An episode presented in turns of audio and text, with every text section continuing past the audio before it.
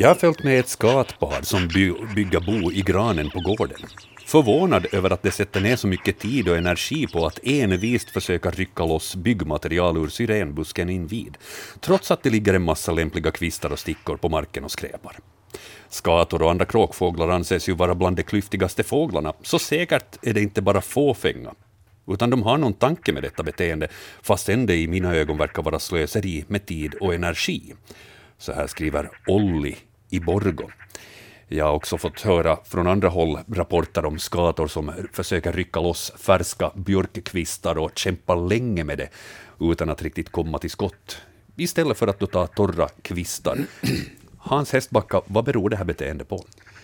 Ja, de vill ju ha eh, sega kvistar också i sitt bo och, och eh, välja ganska omsorgsfullt eh, hurdana kvistar de vill ha. Så de tar inte bara de här torra nedfallna, utan det ska också vara färskt material som, som håller ihop boet. Är det här alltså typiskt för kråkfåglar, det här beteendet? Ja, no, kråkfåglar väljer ju nog tidvis ganska noggrant eh, vilka kvistar och grenar som de plockar åt sig för att bygga sitt bo. Och, och skatan är ju inget undantag här, och, och den har ju ett ganska omfattande bo.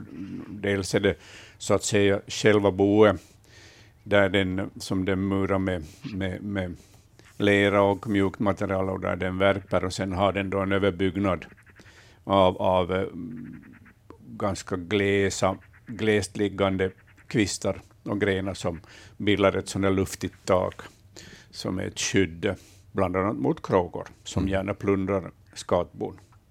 Segt och bra byggmaterial ska det vara. Ja. Ja, ja okej, men jag tänkte ifall det är någon sån här inredningsdetalj bara att fru Skata har sagt att nu får du fara till Ikea och köpa någonting nytt ja. i stil med det. Eller något annat eh, bolag som säljer möbler, ska vi säga, så att inte vi mm, bara talar om ett enda här.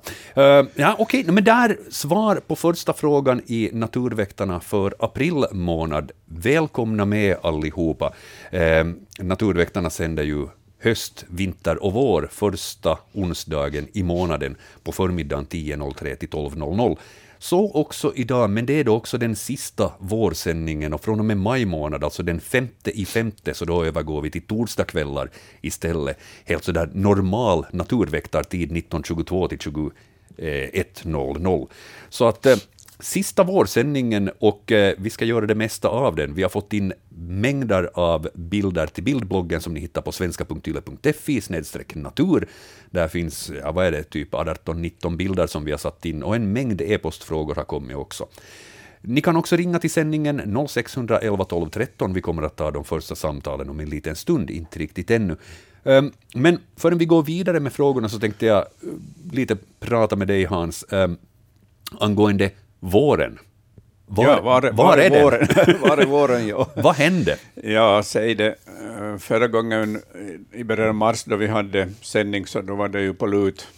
Mm. Och, och eh, sen dess har det stått stilla. Ja, och till och med backat tillbaka lite. Jo, jo, alla tofsvipor och starar som, som han komma, så de har ju flyttat söderut eller dött bort. Uh,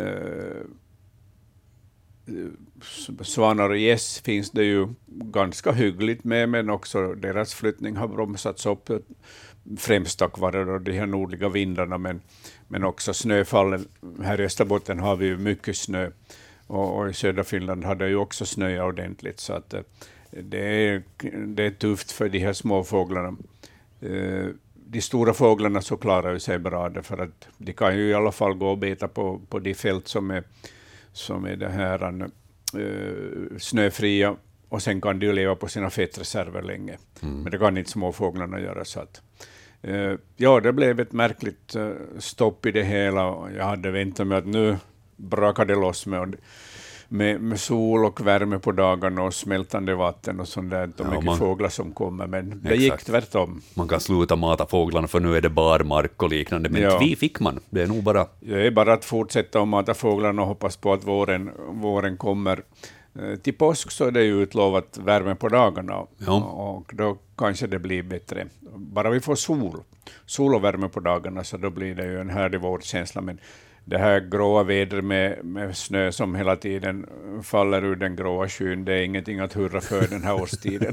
det är nog inga vårtecken. Det inte. Däremot så fick vi ju redan eh, förra gången då vi hade sändning, alltså i mars månad, så då var det redan tal om, om tranor. Och eh, Anne-Maj har skickat in också här ett e-post där hon skriver idag hörde vi tranorna ropa vid sundet i Jorvas kyrkslätt. Några nyvaknade tussilagon syntes också på en varm brant. Mycket snö och is finns ännu kvar. Är det tidigt att höra tranorna ropa nu redan? Inte längre, utan, utan det ska nog finnas plats, men också, också deras flyttning har bromsats upp av de här eh, nordliga vindarna och snöfallen. Så att, eh, men det finns tranor här och där. Mm. Jag såg senast igår, då jag kom körande till Vasa för, för programmet, så, så såg jag Ja, no, det var nog bara en trana som jag såg i kvävlax, men i alla fall. Ja, en trana gör ingen vår, tänkte jag. nej, nej det, det, ska nog vara den där andra. Ja. Andra med också, det kan ju hända att den stod någonstans i landskapet där jag inte såg den då för mm. tillfället. Men att, oftast så hänger det ju ihop parvis den här tiden på året och, och, och, ganska tätt tillsammans. Men det händer ju att de kommer ifrån varandra under, under övervintringen eller vårflyttningen. Och, och så flyger ju tranor ihjäl sig mot bland annat elledningar och, och vindkraftverk. Så, att, mm. så det, det, också hos tranorna så blir det änkor och änklingar. Så är det. Uh, och småfåglarna, det, det, nämnde du här redan att, de, att eh, flyttningen har lite på det viset avbrutits, men i, att i vissa fall så flyttar de tillbaka söderut också? Ja, ja, de är nog tvungna att göra det uh, för att de klarar ju av minusgrader nog, men de behöver ju föda för att hålla upp värmen och, och alla funktioner igång. Och, och när det blir heltäckande snö och frusen mark som vi har här i Österbotten, så, så då är de tvungna att köpa söderut. Ja. Det finns inte något annat alternativ. Ja, det andra alternativet är att man stannar och dör. Det är inte ett alternativ. Nej. Nej. Det är ett dåligt alternativ. Det är ett dåligt alternativ, men det händer ibland. Ja. Mm. No, men vi, vi får följa med och hoppas helt enkelt på att den här våren kommer igång här nu snart. Ja. Och, och, som du var inne på, långtidsväderprognosen och statistik från många tiotals år tillbaka och sånt som visar att våren ju nog kommer förr eller senare, för enligt kalendern ska det sen bli sommar. Ja. Så det kommer ja. att bli varmt. Ja, no, april är ju nog en vårmånad. Så att, ja. Och lite vårkänning har vi ju, trots mm. det här vädret. Så är det. Så är det. Vi ska gå vidare i e-postkörden eh, och eh, titta. Eh, Olli som hade skickat in bilden, eller frågan angående skata här, så, så har också skickat in ett par bilder som vi ska titta på. Som sagt, bildbloggen svenska.yle.fi natur. Där hittar ni de bilderna som vi kommer att behandla i dagens sändning. och den första så är två bilder som Olli då har skickat från Borgo, Olli med familj. Och han skriver så här. På sensommarkvällarna i fjol började vi se denna filur skutta omkring på parkområdet bredvid vår tomt i Borgo. Och nu på vintern har vi sett den igen några gånger. På hösten var den iögonfallande liten och rund och vi trodde att det var någon grannes förrymda kanin. Nu då vi sett den på vintern verkar den ha vuxit till sig, men fortsättningsvis är den i jämförelse med fälthararna, som är mycket vanliga här, liten, knubbig, rund och har mycket mörk päls. Svansen är lysande vit, Eventuellt är det en skogshare. Skogsharen är ju just mindre och knubbigare än fältharen, men borde den inte vara ljus under vintern? Det här fotografiet är taget i slutet på februari. Ja. ja. Vad ska vi säga om, om de här bilderna? Man ser att det är ett hardjur. Ja. ja. Ser litet och runt ut. Inte som en fälthare. Nej, men äh, den mörka färgen säger ju att det kan inte vara skogshare. Nej. För hos oss är alla skogsharar vita under, under vintern. Eh, så den kan vi stänga bort. Mm. Eh, sen är ju eh, den är ganska knubbig av sig den här och relativt korta öron.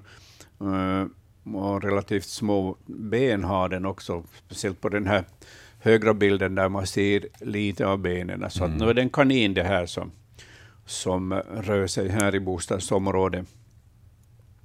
I samma områden där fältharen trivs också, så de kan synas båda två på samma plats, men en kanin. Och i en sån här trädgårdsmiljö så hittar den ju en hel del att gnaga på. Ja, och den brukar vara ganska effektiv, speciellt om den har många artfränder med sig, så kan nog en hel del av de här prydnadsbuskarna stryka med och också unga träd mm. som den gnagar barken av. är det ovanligt att se en kanin på det här viset? För eh, enligt bilderna så, och, och texten så är det inte tal om att det skulle vara flera kaniner. Ja, allting har ju sin början. Ja. Så det, det kanske är en början till lite fler kaniner det här, men man får ju hoppas att, att det inte blir fler kaniner. Mm. För när det har funnits som mest eh, kaniner i Helsingfors eh, område så har det ju ställt till med stora besvär. Ja, de har ju en tendens att föröka sig som, Som kaniner. Som kaniner. Exakt. ja. Ja. ja. Men kanin får vi notera för den här, mycket som tyder på att det nog är en kanin och inte en Ja. skogshare. Då kan vi genast titta vidare på, på följande bild i bildbloggen, för vi håller oss kvar i samma tema. Eh, Reijo skriver hejsan från Sibbo, Hinsby. Eh, är det här en hare eller kanin? Det här som han har fotograferat i sin trädgård. Och eh, här, här kommer vi lite närmare ja. den här krabaten. Vi hittar andra kännetecken eventuellt, eh, eller åtminstone kan titta på det lite annorlunda. Den här, det här hardjuret så har på samma sätt som kanin eller skogshare ganska korta öron. Så det tyder ju då på att det inte är en fälthare. ja. Um, Sen har ju fältharen, eh, ska vi säga, grövre ansikte, grövre huvud. Så det, fältharen kan vi, kan vi nog lämna bort, tycker jag, här. men färgmässigt så den här är ju inte lika mörk som den kaninen som vi såg på, på föregående bild. Nej, Den här är avsevärt ljusare i bilden, den, här, den är nästan sådär vitgrå undertill och ryggen är mera brunspräcklig. Eh, har vi något datum på bilden, när den är tagen, den här bilden? Mm, vi ska titta om vi hittar, inte som jag har skrivit här, Mm. men vi kollar i e-postlådan och, och ser. Ja, bilden är inskickad 15 mars, något Ja. datum har vi inte. Ja, det, det ser ju mycket ut som en skogshare som redan har börjat, börjat byta päls från vinterpäls till, till sommarpäls. Mm. Det skulle kunna vara det. Eh, sen kan det förstås vara också en, en korsning mellan, mellan fälthare och, och, och skogshare. Den här. De kan korsa sig. Ja, ja fälthare, hannarna, så de är ivriga på att para sig med, med skogsharar. Kan man titta på ögonen på något vis? När man tittar på den här bilden så här i lite större format. Relativt, relativt ljusa ögon har den. Ja. Och och öronen är nog större än kaninens öron. Möjligtvis skulle det kunna vara en korsning mellan, mellan skogshare och fälthare. Jag tycker det ser ut som det skulle vara rödbrunt i den här färgen eh, på ryggen och, och, och eh, tassarna. Och, och det är ju typiskt för, för fältharen. ja. Jag skulle nästan hålla en, en slant på att, att det här är en korsning mellan, mellan skogshare och fälthare. Eh, En skogsfälthare. ja, mm. Ja. Och, och eh, får vi andra synpunkter så tar vi gärna emot dem, men, men det är nog min bedömning. Mm. Mm. Natursnabelayle.fi är e-postadressen hit till programmet. Ifall du tittar på den här bilden och konstaterar att ja, jag håller inte med, eller ja, jag håller med, Ja. hör gärna av dig. ja. Så, så får vi en, eh, ett par till ögon som, som eventuellt kan göra en bedömning. Men, men om, om det är så att det förekommer korsningar mellan skogshare Ja, och fälthare, så då, då ser man ju tydliga tecken på att det kunde Ja, vara. här finns både, både skogsharen och fältharen med i det här. Så att, Mm. eh, det är ju knepigt för skogshararna eh, när, när fältharehannarna parar sig med skogsharehonor, därför att avkomman så duger inte till någonting Ja. och, och skogsharen minskar på grund av det eftersom en sån här korsningskull är en förlorad kull. Så att där, där fältharen trivs och förökar sig så brukar skogsharen försvinna småningom, det vill säga i odlingslandskapet. Och så finns då skogsharen kvar eh, i skogarna. Ja. Vi får se ifall det kommer några åsikter på e-posten angående den här, men i övrigt så noterar jag här eventuell korsning mellan fälthare och skogshare, och så kommer jag att uppdatera bildbloggen med de svaren vi kommer fram till här under sändningen. Så, så får vi se ifall det sker en, en ändring i det här. Hör du, telefonerna blinkar med Ja. jämna mellanrum här. Vi ska se ifall, eh, Just när jag säger det så då åker lurarna på. Men vi ska se ifall det är någon som försöker ringa. 0611 12 13 är telefonnumret alltså till Naturväktarna. Och ifall det kommer ett samtal här inom några sekunder så då tar vi det. I annat fall så går vi vidare helt enkelt. Ja, där har vi någon som ringer. Vi säger välkommen till Naturväktarna. Oj då. Det här är Ulli från Esbo. Är jag med nu, Nu är, nu är du med, ja. Ja, man får så sabla det där i röst när man är i radio. Jag satt munskydd på att man skulle få att någon skulle inte pipa dit i den där radion. Ja, precis. Men du, hör, du hörs klart och tydligt, så att, låt komma din fråga. Bra. Jag har en, en blå mes som det där ända sedan februari har hoppat upp och ner här utanför mina fönster runt hela huset och den ger inte sig. Den är hela tiden upp och ner, upp och ner, upp och ner. Att vad, vad har den riktigt för fel? den hoppar alltså vid fönstren på fönstren? På fönstren, ja. ja, upp och ner. Ja, det här är ett exemplar som, som har fått sin spegelbild på hjärnan. Och, och det förekommer alltid emellanåt att, att eh, till exempel blåmesar eller talgoxar eller, eller skator eller kråkor eh, upptäcker sin, sin eh, spegelbild i ett fönster och, och fastnar för det här och de kommer inte loss från det. Och, och det är bara att, att beklaga att, att de fastnar för den här grejen, men att det är ju inte unikt för, för fåglar. Människan fastnar ju också ibland för vissa saker och kommer inte loss ja, ja. från det. Men när det ända från februari håller på nu här och inte före sju på morgonen börjar den. Ja, ja, den förstår inte. håller på hela dagen. Ja, ja. ja, den förstår inte att sluta utan den bara ser den där bilden och, och den, har, den har fastnat för det där helt och hållet. Och, och, och så ja. kommer den att fortsätta om inte den flyttar ut lite i, i, i terrängen för att häcka sedan på våren. Hur är det? Sen skulle jag fråga frågade där när ni någon gång sa att man skulle sätta en vit handduk på, på gräs eller snön och, och det där, de där skogsbässarna eller de här fästingarna skulle ja. på dem. Och hur ska man sätta livet av de där puckadjuren? Ja.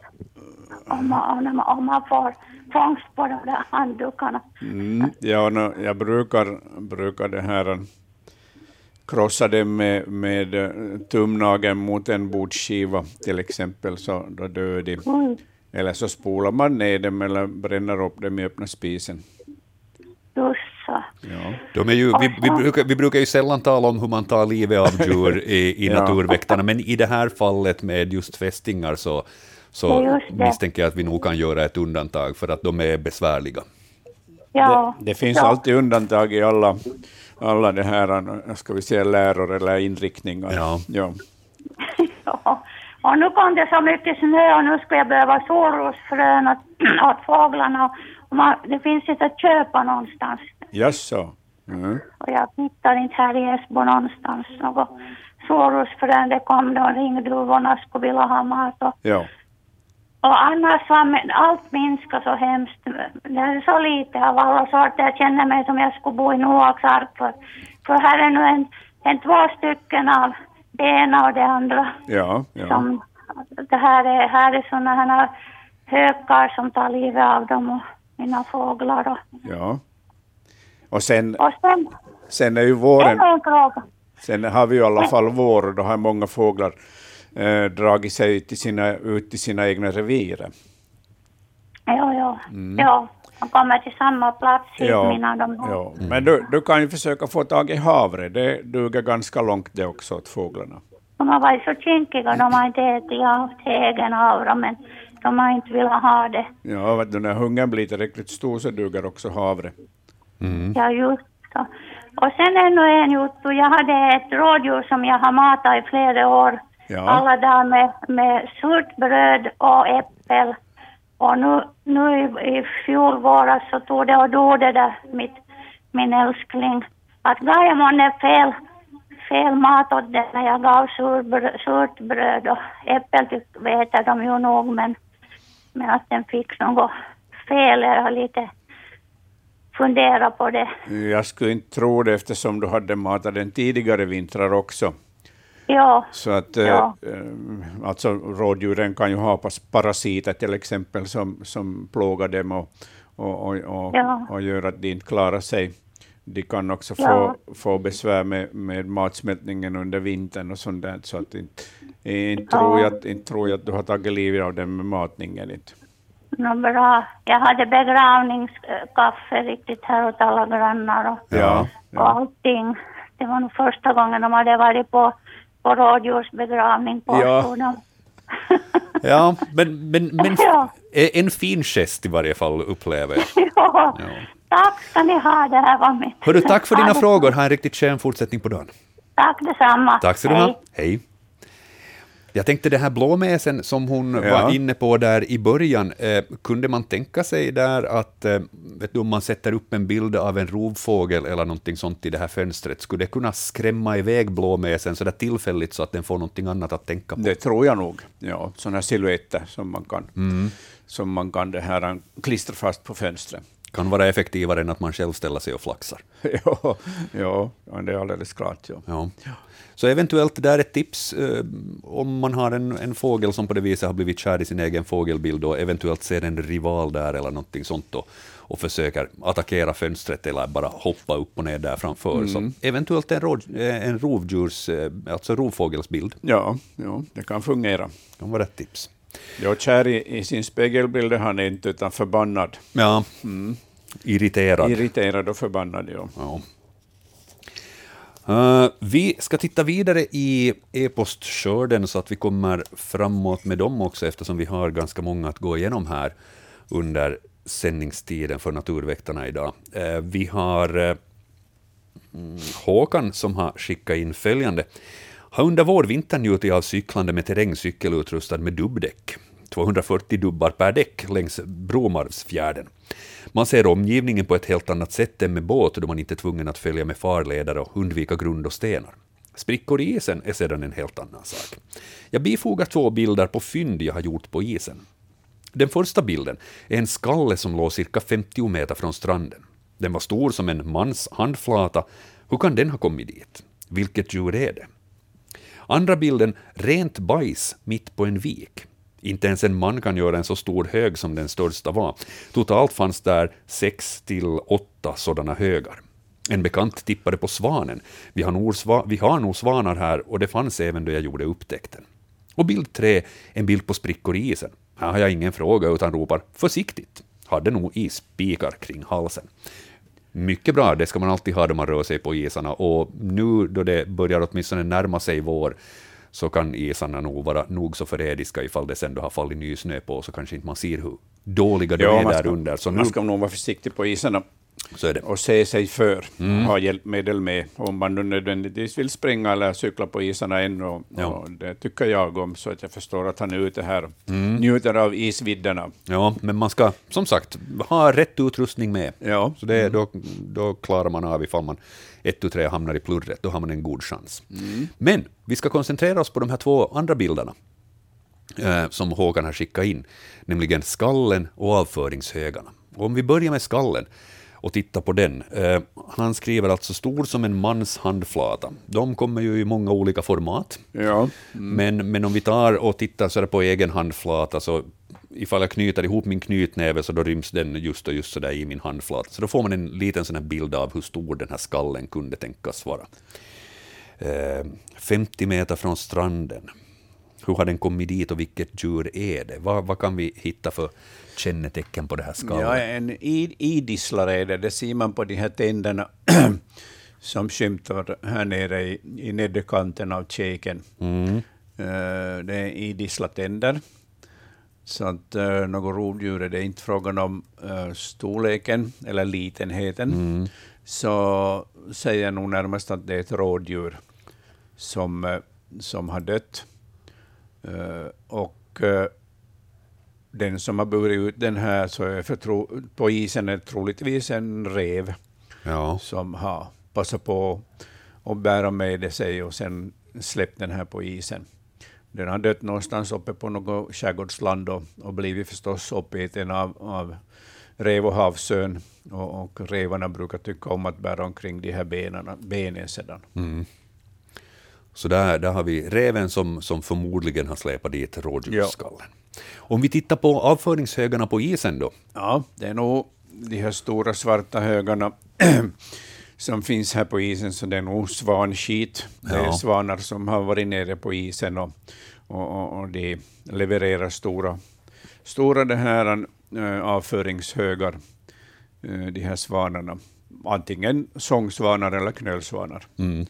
Båda två har samma goda magfunktioner. Ja, ja, ja, ja. och då, då, då tarmarna har gjort sitt och, och det ska ut, så då, då blir det mycket på en gång ja. för en sådär stor fågel och, och, och det, de, de ligger ganska tätt. De här. Ja, det är flera fåglar.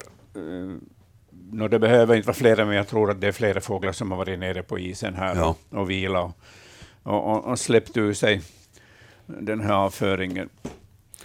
Så här, eh, vintertid, då förstår jag att det hamnar dit på isen, men hur är det sommartid? Um, med, ja. med svanens tarmfunktion och fåg, sjöfåglars tarmfunktion överlag. Ja. Eh, är det så att de hellre gör det uppe på torra land, eller kan det hända att medan de simmar ja, alltså, så när, tömmer de tarmen, eller hur fungerar det? När djur har, har, har behov av att, av att släppa ut sin avföring så gör de det med samma. Mm.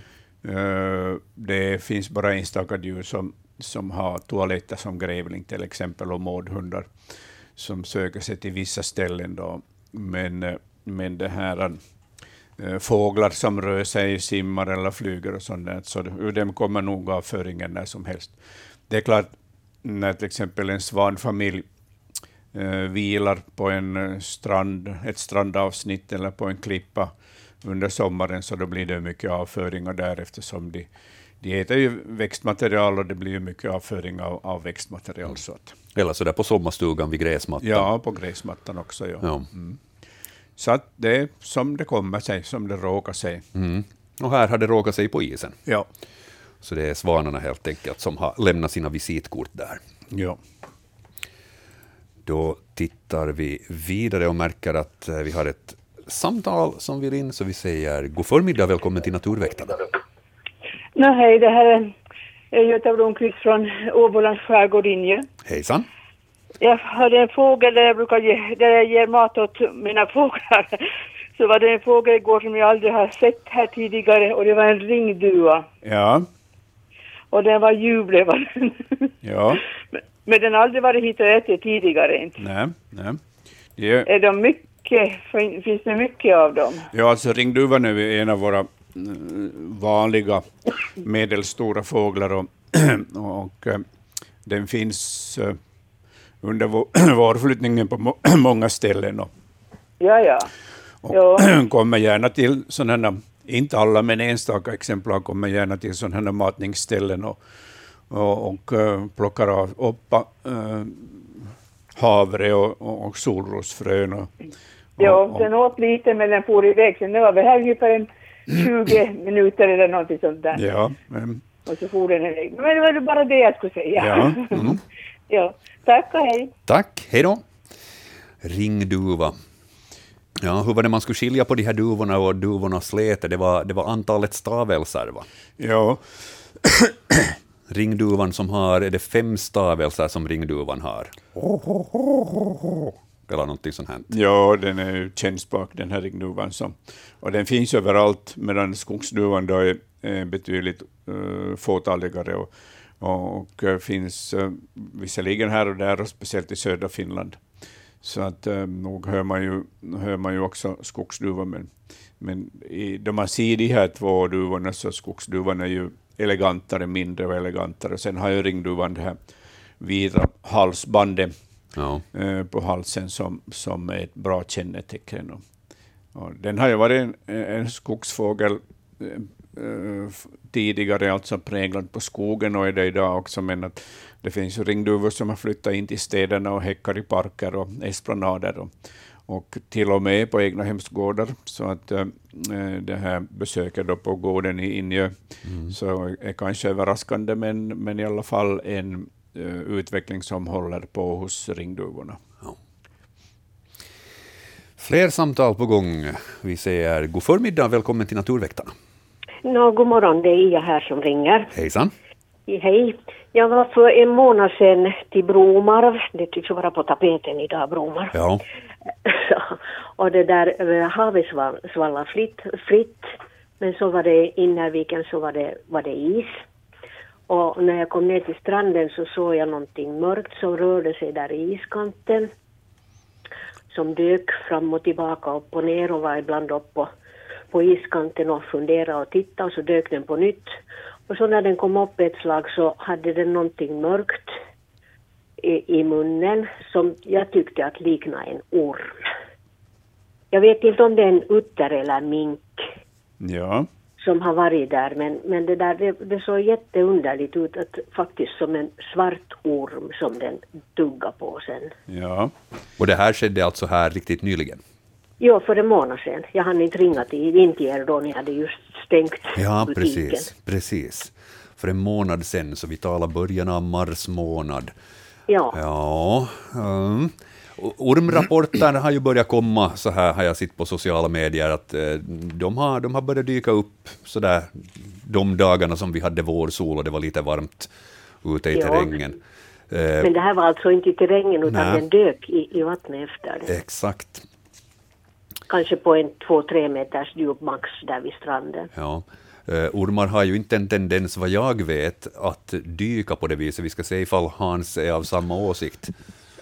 ja, nej, jag tror inte att det var en orm som den här eh, uttern eller minken. Eh, jag tror det var utter som du sa. Eh, Ja. Men minken den dukar ju också efter fisk, så att det är också ett alternativ.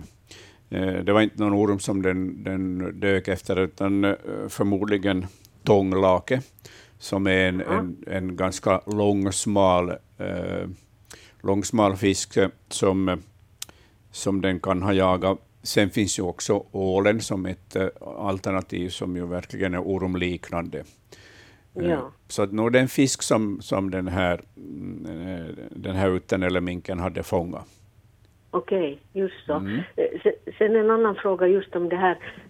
Den blev rädd när den såg mig och så, så dök den. Ja. Och som sagt så det, det var isrand och, men jag såg inte att den skulle ha kommit upp.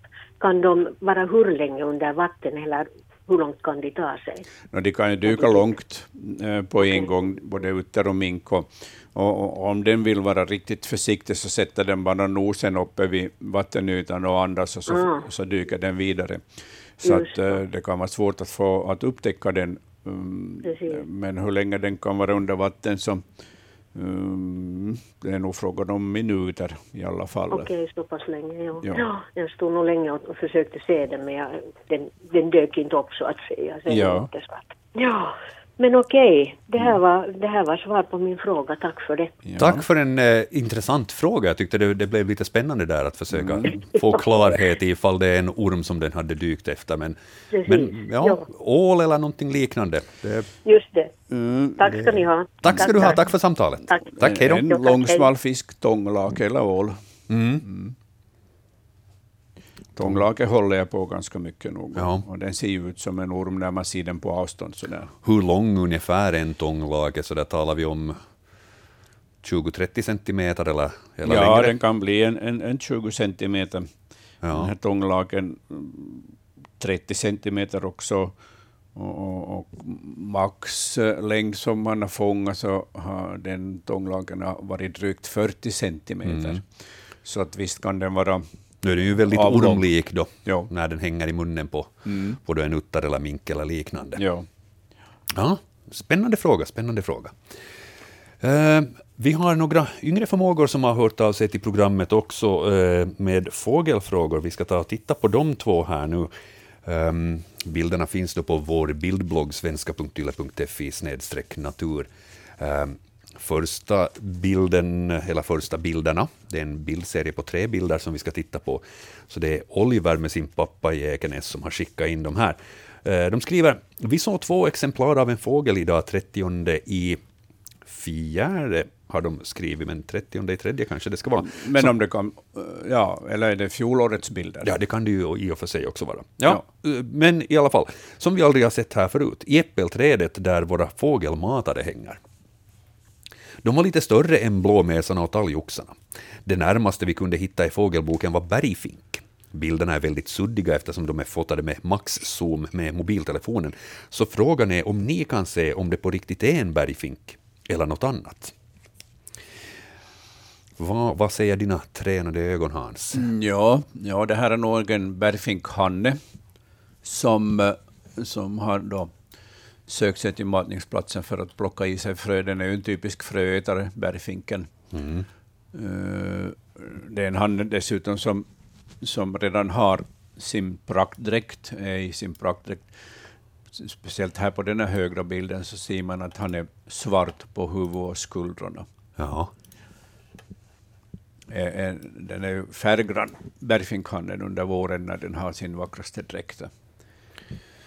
Så bergfink kan vi nog notera där. Mm. Eh, och, eh, så det är ju en art som eh, den är ju lika stor som bofinken och har mycket samma vanor, men att den är en nordlig art i vårt land, medan bofinken då är en mera sydlig art, så att de häckar ju också förstås på samma, inom samma områden, men, men bergfinken är mera, är mera nordlig och häckar till exempel uppe i, i fjällregionen, björkfjällsregionen. Mm fjällbjörksregionen.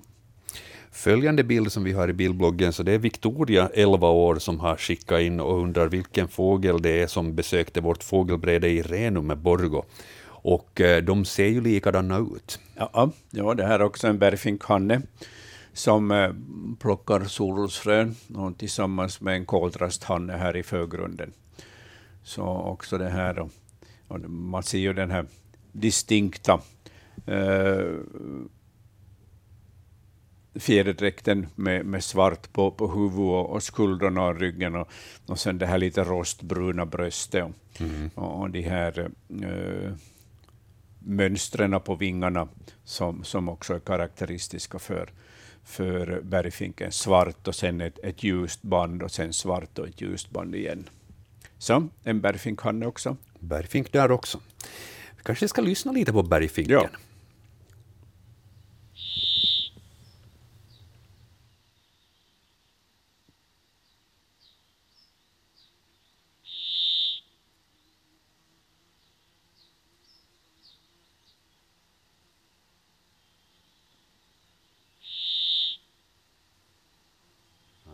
Det låter lite som att det är nog mera en uh, sommarbergfink det här. Det här är inte inbandat på våren, man, man hör lite flugor som surrar också. Ja, men de sjunger ju också på försommaren. Uh, bergfinken har ett sånt här, en kort strof, zi, bara zi, och, och, och långt ifrån bofinkens glada drillar. Ja, mm. ja den, den låter nästan lite irriterad ja, på det här viset, alltså just ja. jämfört med sån här vacker kvittrande fågelsång. Mm så tar man det här nästan som ett varningsläte och är lite sådär att jaha, ska man backa nu eller? Ja, men det är nog frian sången. Ja. Mm. Bergfink som låter sådär alltså. Och eh, fler fågelfrågor har vi också i bildbloggen som vi kan titta på genast. Um, nu är det inte en eh, bergfink, och det här är en fågel som jag också skulle ha känt igen faktiskt. Man har lärt sig någonting med åren. Um, det är Volter som har skickat in det här. Här är ett par bilder av en överraskande stare på vår gård i Bergö idag. Jag har aldrig förr sett stare äta av fåglarnas fettkorv. Många andra har upplevt samma fenomen. Jag såg stare i byn först förra veckan. Nu har ju vädret slagit bakut ordentligt så fågelutfodring kan behövas, skriver Volter på Bergö. Och visst är det en stare som hänger här på fettkorven. Eh, och han, han påstår att det är ovanligt. Ja, det är det. Eh, men även starar har lärt sig att utnyttja de här fettkorvarna och klona sig fast på dem och börja hacka, hacka loss eh, fett och, eh, och frömaterial, trots att de inte har en näbb som är anpassad för att hacka med. Men att när nöden är stor så får man ta till det man klarar av. Och, och det här är ju ett sätt för staren då att få loss av det här fettet för att få den här energin och hålla värmen. Mm. Så ingenting på det viset helt ovanligt? Ja, visst är det ovanligt, men fåglar lär sig. Ja. ja. Och den har ju förstås sett till exempel större hackspett och, och talgoxar som har varit på den här fettkorven och hackat för sig och, och tänkt att det där måste jag ju prova också. Mm.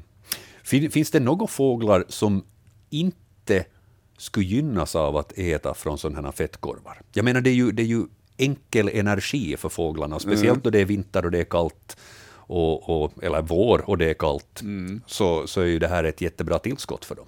Ja, det här är ett bra tillskott, men till exempel trastar, eh, jag har aldrig sett koltrast till exempel eh, försöka klona sig fast eh, på sådana här fettkorvar, men däremot brukar de hålla till under fettkorvarna på marken, för det, de fåglar som då hackar på de här fettkorvarna, så det, det blir ju ett visst spill också. Så på det sättet utnyttjar de fettkorvarna indirekt. Mm. Men jag har inte sett någon, någon koltrast som har gjort så här som den här staren. Ja. Äh, intressant observation med andra ord av Volter och äh, ett tydligt tecken på att fåglar nog lär sig. Mm. Ja. Äh, sen har vi Rickard som har skickat in en, en riktigt fin bild här tycker jag. Äh, han skriver så här kort och gott. Vi har rådjur bakom huset. Vad är det de letar efter? undrar han. Och på bilden, jag förstorar den här bilden lite och mm. man kommer dem lite närmare, um, så går de sådär i, i skogsterräng, verkar vara ganska stenigt och, och rent av bergigt där i bakgrunden. Um, men annars öppen mark, men ganska mycket snö också nog på marken. Vad, vad är det rådjuren gör där riktigt? Ja, för det första så är ju skogen deras skydd. Eh, det är bra att röra sig eh, i skogsbryn ifall man behöver fly in i skogen och, och, och gömma sig. För det andra så är det ju eh, snöfritt här och, och det gillar ju rådjuren, det snöfria läget.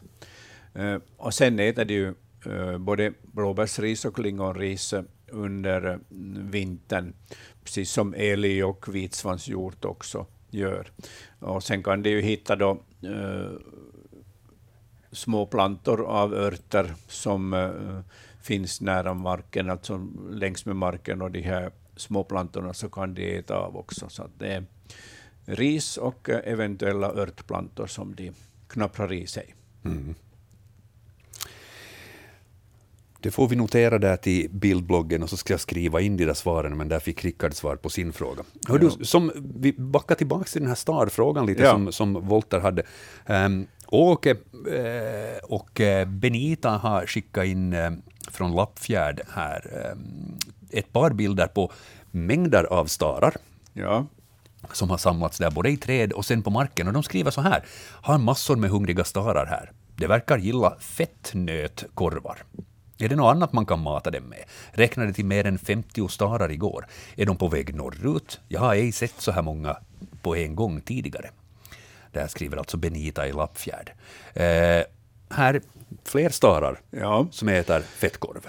Ja, det är bra. Det, fett är alltid bra föda under vinterhalvåret till, till fåglarna. Och, och uh, det är bara att fortsätta att, att, servera de här fettkorvarna. Vill man slå på stort så köper man malet kött av någon billig sort eller som håller på att gå ut, ja. datum, där datumgränsen kommer emot. Och, och uh, gärna uh, malet kött av, av andra kvalitet, där det finns mycket fett med, så får de mycket fett i sig, de här stararna. Eh, sen äter de förstås havre, eh, skalade solrosfrön och, och eh, jordnötskrossa. Så där är lite olika alternativ. Mm.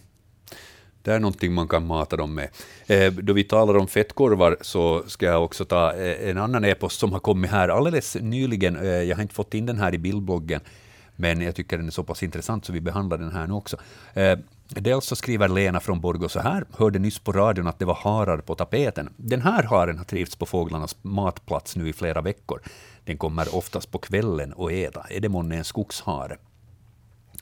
Eh, och eh, nu har du kanske lite svårt Hans att se den här bilden, men jag upplever att de här öronen är avsevärt längre än, än än vad vi har tittat på de här skogsharsbilderna. Eh, ganska så här rejält kraftiga öron, ansiktet ser ganska så där avlångt ut liksom mot nosen. Eh, tydliga svarta fläckar uppe på öronen. Rör det sig här om en skogshare eller är det här en fälthare? Det är nog en fälthare, en typisk fälthare. Mm. Och, och de kommer ju ofta till de här matningsplatserna. Ja. Och, och fältharen trivs ju, trivs ju på, på egna hemsgårdar och i trädgårdar och sånt där. Så ett typiskt exemplar mm. för äh, fälthare. Ja. Sen så har Lena skickat här en till bild också i samband med det här, på tal om fettkorvar. Mården kom också en kväll och försökte stjäla fettkorven. Den här bilden är tagen genom vardagsrumsfönstret. Ser du bara. Ja. Och där är den och, och klänger nästan upp och ner i, i björkgrenen och försöker ta fettkorven med sig. Mm. Ja, fint fotografi. Duktigt fotat genom köksfönstret. Det är, det är, inte alltid lätt att fotografera genom ett fönster och få det skarpt. Men, men intressant att få det där på bild. Visst är det det, ja. Och det visar också att, att mården gärna rör sig i bosättningen också. Mm. Och så visar det också att det är bra att hänga upp fettkorvar ordentligt, ja. så att inte de är så lätta att ta med sig. Visst är det det, och det finns ju sådana här eh, ståltrådskassar som man kan sätta de här fettkorvarna i, så, så då kan inte mården och ekorrar sticka iväg med de här fettkorvarna. Mm. Mer samtal på gång i Naturväktarna. Vi ska ta ett till. Vi säger god förmiddag, välkommen till Naturväktarna. Hallå, hallå. Hallå? Ja, hej. Nu är det du. Ja, hej. Alltså, jag skulle till evenemangsfredag. Ja, då får du ringa äh, det här numret äh, en annan dag, för nu är det Naturväktarna som gäller. Jaha. Bra. Men när ringer man? Okej. Okay. Tack ska du ha. Tack, hej. Ja, vi, vi har många olika tjänster eh, samtidigt på det här bolaget, men nu är det Naturväktarna, så vi tar naturrelaterade samtal istället. Vi säger hej och välkommen till Naturväktarna. No, hej, det här är från Helsingby, Margareta. Hej Margareta. Det, ni pratar just om de här koltrasterna som inte ville gå på de här fettkorvarna. Mm.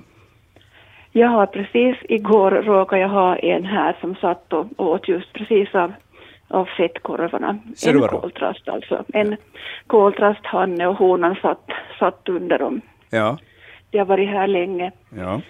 Där var jag matande här utanför köksfönstret. Men någon bild fick jag ju inte på det. Jag trodde inte ens att det var ovanligt, men jag, jag reagerar på att nu, nu är det också en, en koltrast där inne. Ja, det var bra. De lär sig. De lär sig. De lär sig, ja. ja. Där, var, där har också varit den här, förstås, hackspetten har ju varit mm. väldigt intresserad av av de här korvarna.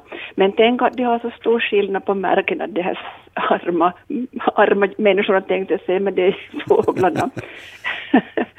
jag har en sort som, ja, den är knappt påäten och de, den har hängt där ganska länge. Ja. Men det, nej, det är nog bara riktigt, riktigt sista nödfallet tror jag. Ja, ja de, är, de är märkestrogna på det viset, de har fått smak för någonting speciellt. Ja, och sen, ja. sen finns det ju olika fetthalter i de här och, och, eh, mm, det är bra att se på innehållsförteckningen och ju mer fett det är i, i en sån här fettkorv, desto bättre.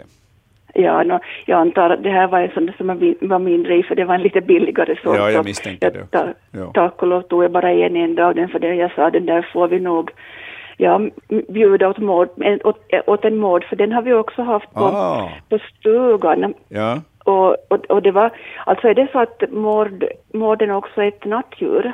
Ja, för det mesta är det nattdjur, men, att, men eh, den kan vara i farten också i områden, den jagas ju inte just mården. Nej, därför att, därför att just en, en natt när jag råkade vara uppe vi har en, en lampa som tänds automatiskt när, när det, det rörs någonting där på gården. Så jag, mm. jag råkade vara upp och, och titta ut och, och, såg någonting konstigt som var ute på, på vår veranda där, där vi har den här korven att hänga och den var precis ny. Den var inte alls nog påbörjad nästan utan den var precis ny. Och, ja. och den försökte flera gånger och till, till, till slut så tog den nog hela korven med sig och försvann. Där ser man. Mm. Mm. Ja, man ser mycket, mycket roligt där på stugan om man bara har upp ögonen en. Kan jag berätta en annan sak? Ja. Det var en, vi hade en rev som kom till, till matstället där under och jag hade just precis satt ut nötter och, och fågelfrön, solrosfrön. Och den åt upp allting där. Och jag, jag visste att jag hade en påse, två och en halv kilos påse med solrosfrön ännu på på trappan där ute. Och min man sa, men gå nu ut och ta in det där att, han kommer nog att ta den där, säger Sanna, men hur, ska, hur i all världen, han kan ju inte ens veta att den finns där inte. Hördu, när han hade ätit upp alla de där nötterna på, på, på jorden så bara kom han raka vägen till trappan, tog påsen i munnen och sprang iväg. Mm. Och jag var, vi var efter och efter och, och stod jag ropade faktiskt åt honom att du ät inte upp alla de där, du kommer säkert att få ont i magen. Men han, han lyssnade inte så mycket på mig, eller kanske lite för under halva resans gång där han skulle försvinna in mot skogen så, så tappade han hela, hela påsen. Den var ju ändå två och en halv kilo. Ja. Mm. Och, och, men tro, inte ens fast jag då vi stod där och ropade och klappade och stampade på, på trappan, han vände tillbaka, tog påsen på nytt och försvann. Ja. Mm. Men ett sånt där byte jag... så måste man ju ta med sig. ja. ja, och sen dess har jag inte sett den där påsen, alltså varken tom eller full. Ja. Mm. och den var ju opåbörjad helt och hållet, det, var, det fanns inte något hål på den, inte någonting. Så han bara tog den och försvann. Ja, han har gömt den någonstans. Mm. Säkerligen, säkerligen. Mm. Och det var en mycket välfödd räv. Han var inte alls no, han var nog inte skabbig alls inte. Han var ja. så vacker i pälsen, en, en riktigt vacker röd räv. Ja. Var det oskalade solrosfrön? Det var oskalade solrosfrön. Ja, det, det, var därför jag... det var en besvikelse för honom när han öppnade påsen. det var därför jag ropade att han kommer att få ont i ja. magen av det. Mm, ja, ja, ja. Nej, men vilken intressant historia, hör du. Mm, jag tänkte jag måste berätta det här när jag en gång, en gång kom framåt, kom mig för att ringa. Ja, ja, ja. För att det finns så många olika roliga saker att berätta om, om alla mm. sorter. Men det var mest det här med koltrasten som faktiskt har hittat det här med de här fettkorvarna också. Ja. Hör du, tusen tack för samtalet. Ha en riktigt ja. skön fortsättning på onsdagen. Tack, detsamma till er. Bra, tack ska du ha. Tack, hej. hej. Mm. Ytterligare en bekräftelse på att eh, koltrasten äter eh, fettkorv har också kommit på e-posten här. Där ser man. Mm. Lena som eh, eh skickade in eh, bild här på morden som åt eh, fettkorv, så hon skrev här i Borgo så går nog koltrastarna hett på fel fettkorven. Det klänger sig fast och hackar fett. Tyvärr har jag inget foto som bevis. Ja, det Men, har lärt sig på många ställen. Jag får väl säga att mina koltrastar har aldrig gjort det. Exakt. Vilken fin brasklapp. Och nu har vi lärt oss något. Ja, ja. Mm. Det är det fina med det här programmet. Ja. Vi snappar upp ny information också. Ja, I och för sig så, så kan ju trastar klänga ganska mycket eftersom de är vana vid att att uh, plocka bär ur, ur rönnar och uh, häggar och, och, där behöver de ju klänga omkring ordentligt på ganska tunna kvistar ibland. Mm. Mm.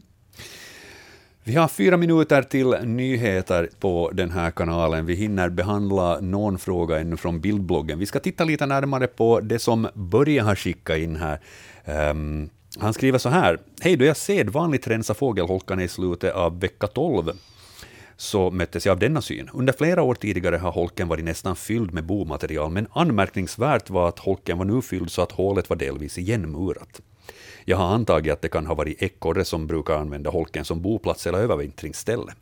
Platsen är endast någon meter från vår stuga i Rumarkorpo, men vi har inte iakttagit varken fåglar eller ekorrar vid just denna holk under de senaste åren då holken fått nya invånare som samlar mycket material.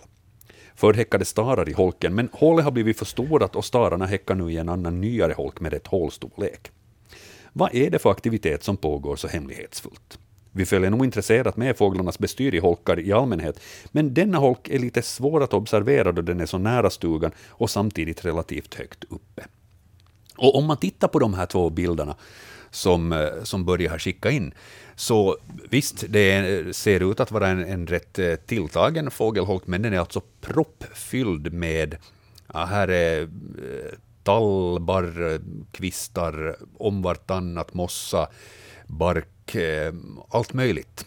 Och faktiskt så att ingångshålet är så gott som tilltäppt av allt det här materialet. Ena bilden så där ser man eh, ingångshålet i holken och andra bilden så då är, det, då är holken öppnad så att säga, så att man ser att den faktiskt ja. är proppfull med det här materialet. Ja, här är just de här eh, kvistbitar, tallkvistbitar och tallbarr och, och barkflagor och mossa. Det är nog ekorre som har, som har bäddat för åt sig i den här holken riktigt mjukt och ordentligt och varmt. Så att eh, också det här sista materialet, eh, där det finns bland annat torrt gräs med, så, så är också ekorrens eh, bäddande i, i holken. Det kan hända att det är en hona som har lagt beslag på den här och kommer att föda ungar här småningom. Så det är nog bara att, att stänga holken så att säga, och i det här fallet inte då kanske rensa ur den? Ja, om man, om man vill ha ekorren äh, boende på det här sättet så ska man förstås låta, låta naturen ha sin gång. Mm. Och, och staren har ju en annan holk där ingångshål är lämpligt, så att den klarar sig bra. Hur är det att ha ekorre och, och till exempel då stare i närheten? Eh, finns det ett lätt fiendeskap där? Ja, det beror på vad det är för ekorre, om, om den är vegetarisk av sig. Eh, om den är helt vegetarian så då lämnar den ju fågelägg och fågelungar i fred. Sen finns det då enstaka exemplar som, som gärna tar för sig av, av de proteiner som de här fågeläggen och fågelungarna bjuder ut. Så att eh, det beror helt på hurdan ekorre det finns här. Men det kan gå bra, det kan gå dåligt. 50-50. Mm. 50-50. Ja. Man får göra ett val där helt enkelt. Mm.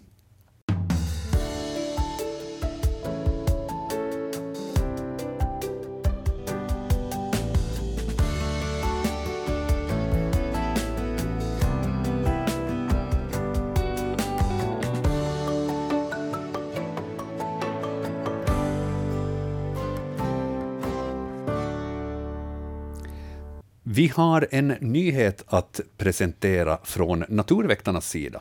Svenska Yles eh, naturredaktion så kommer att bjuda på ett riktigt vårtecken här om ett par veckor. För jag ser det åtminstone som ett av de tydligaste vårtecknen då jag brukar gå ut i skogen eh, och närma mig ett vattendrag och man hör ett enormt plaskande och man ser att massor med fåglar har samlats vid det här vattendraget, speciellt ifall det är så att vattendraget går mellan hav och en fladda eller Glosjö eller någonting liknande. För då vet man, nu är det fiskar som stiger. Och det, om inte annat, är ett ordentligt vårtecken.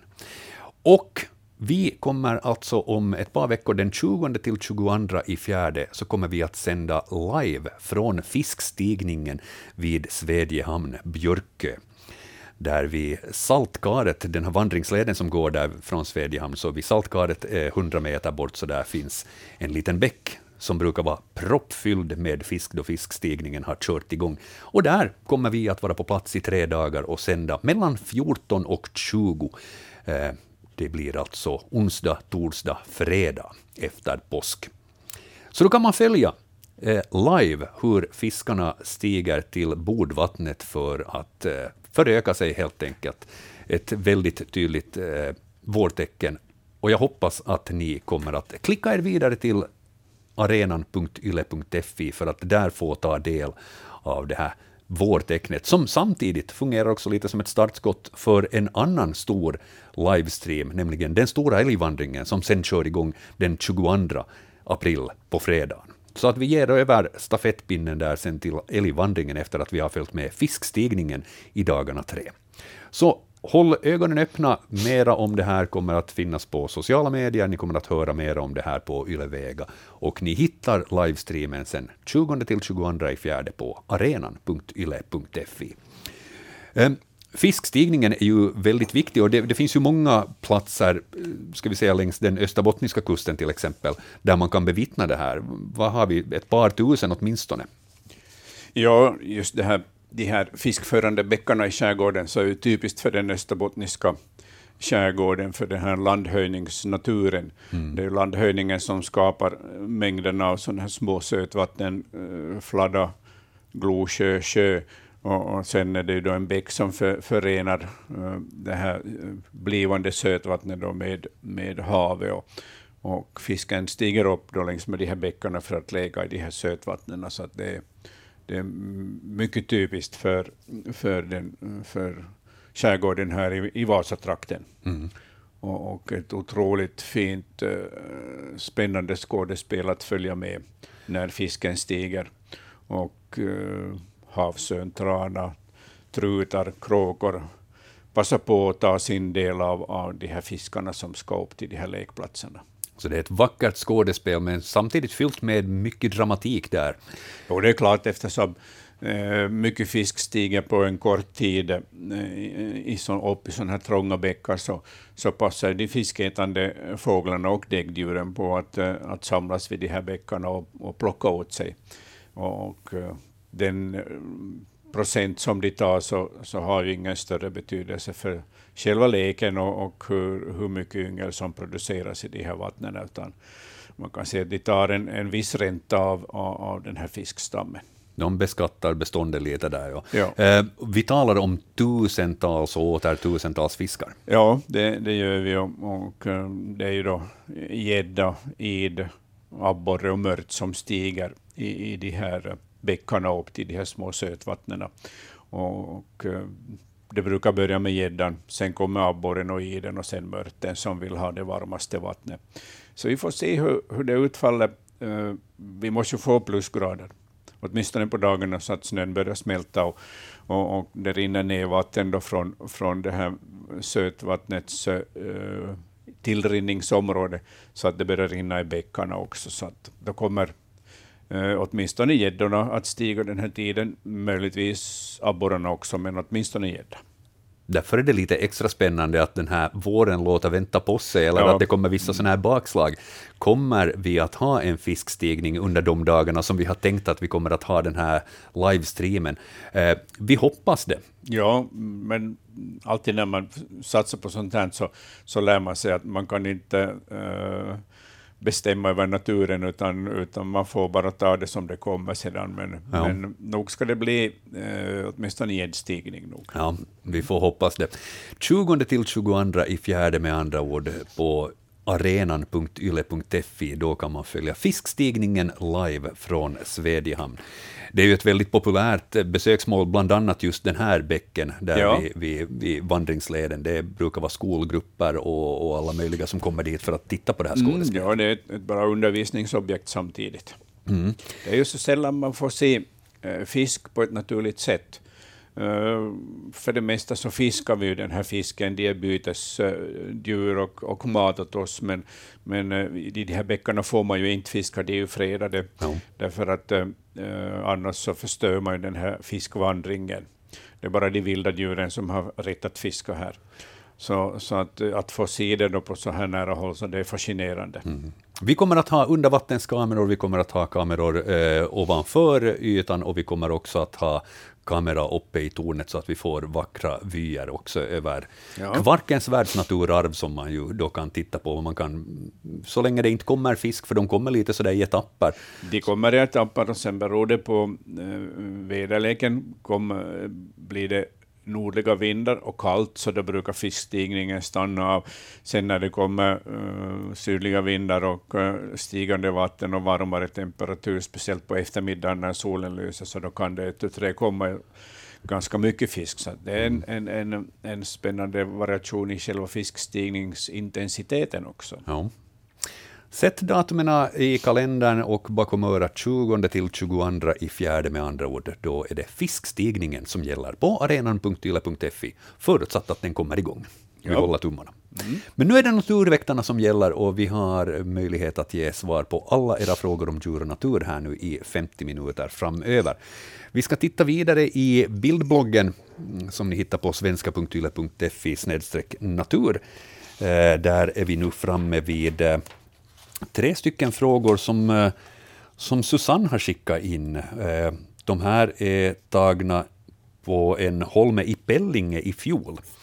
Eh, första bilden så skriver hon en stor gran föll i stormen i juni. Är det vanligt med så här många kottar i toppen?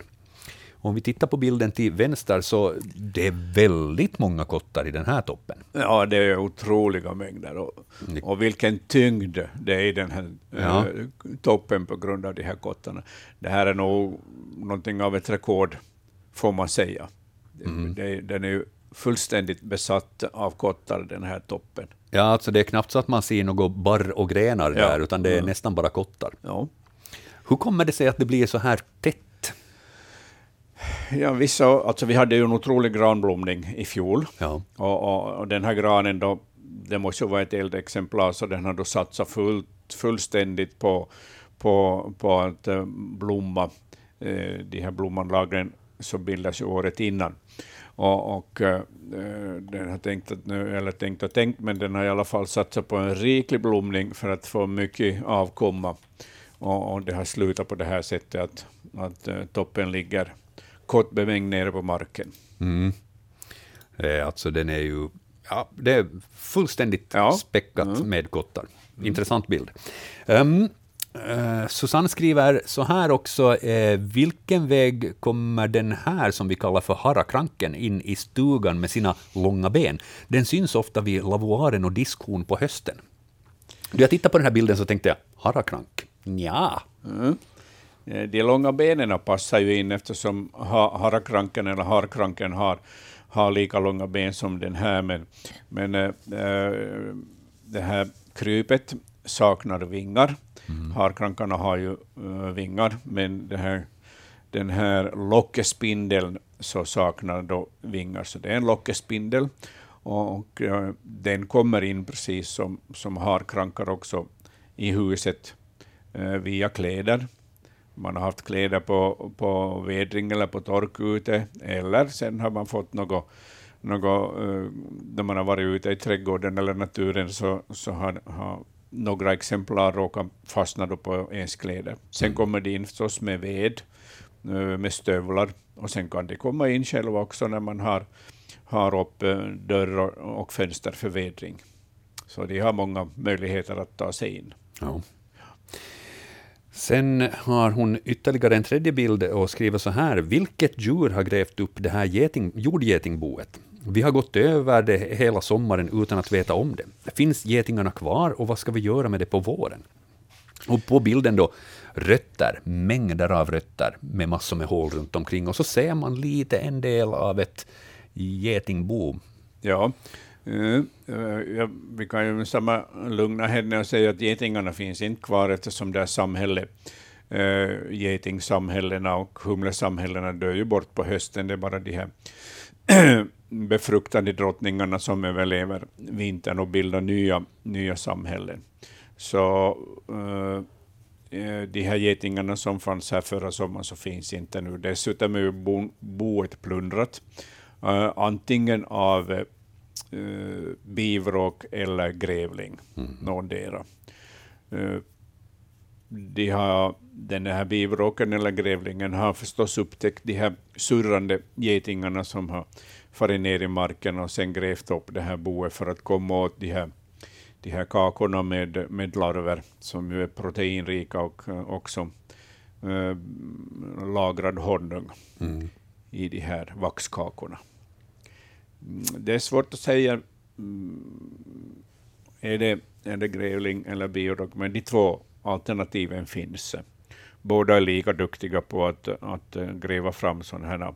Här har det varit ett ganska eh, jobbigt ställe eftersom det är fullt med det tallrötter eller, ja, eller granrötter som, som uh, har varit som ett skyddande nätverk över det här boet, men, men den här bivråken eller grävlingen har kommit åt det här boet i alla fall. Ja, det ser ju nog ut att vara ganska rejält tömt där under, ja, det det under rötterna, så inte mycket kvar där. Mm.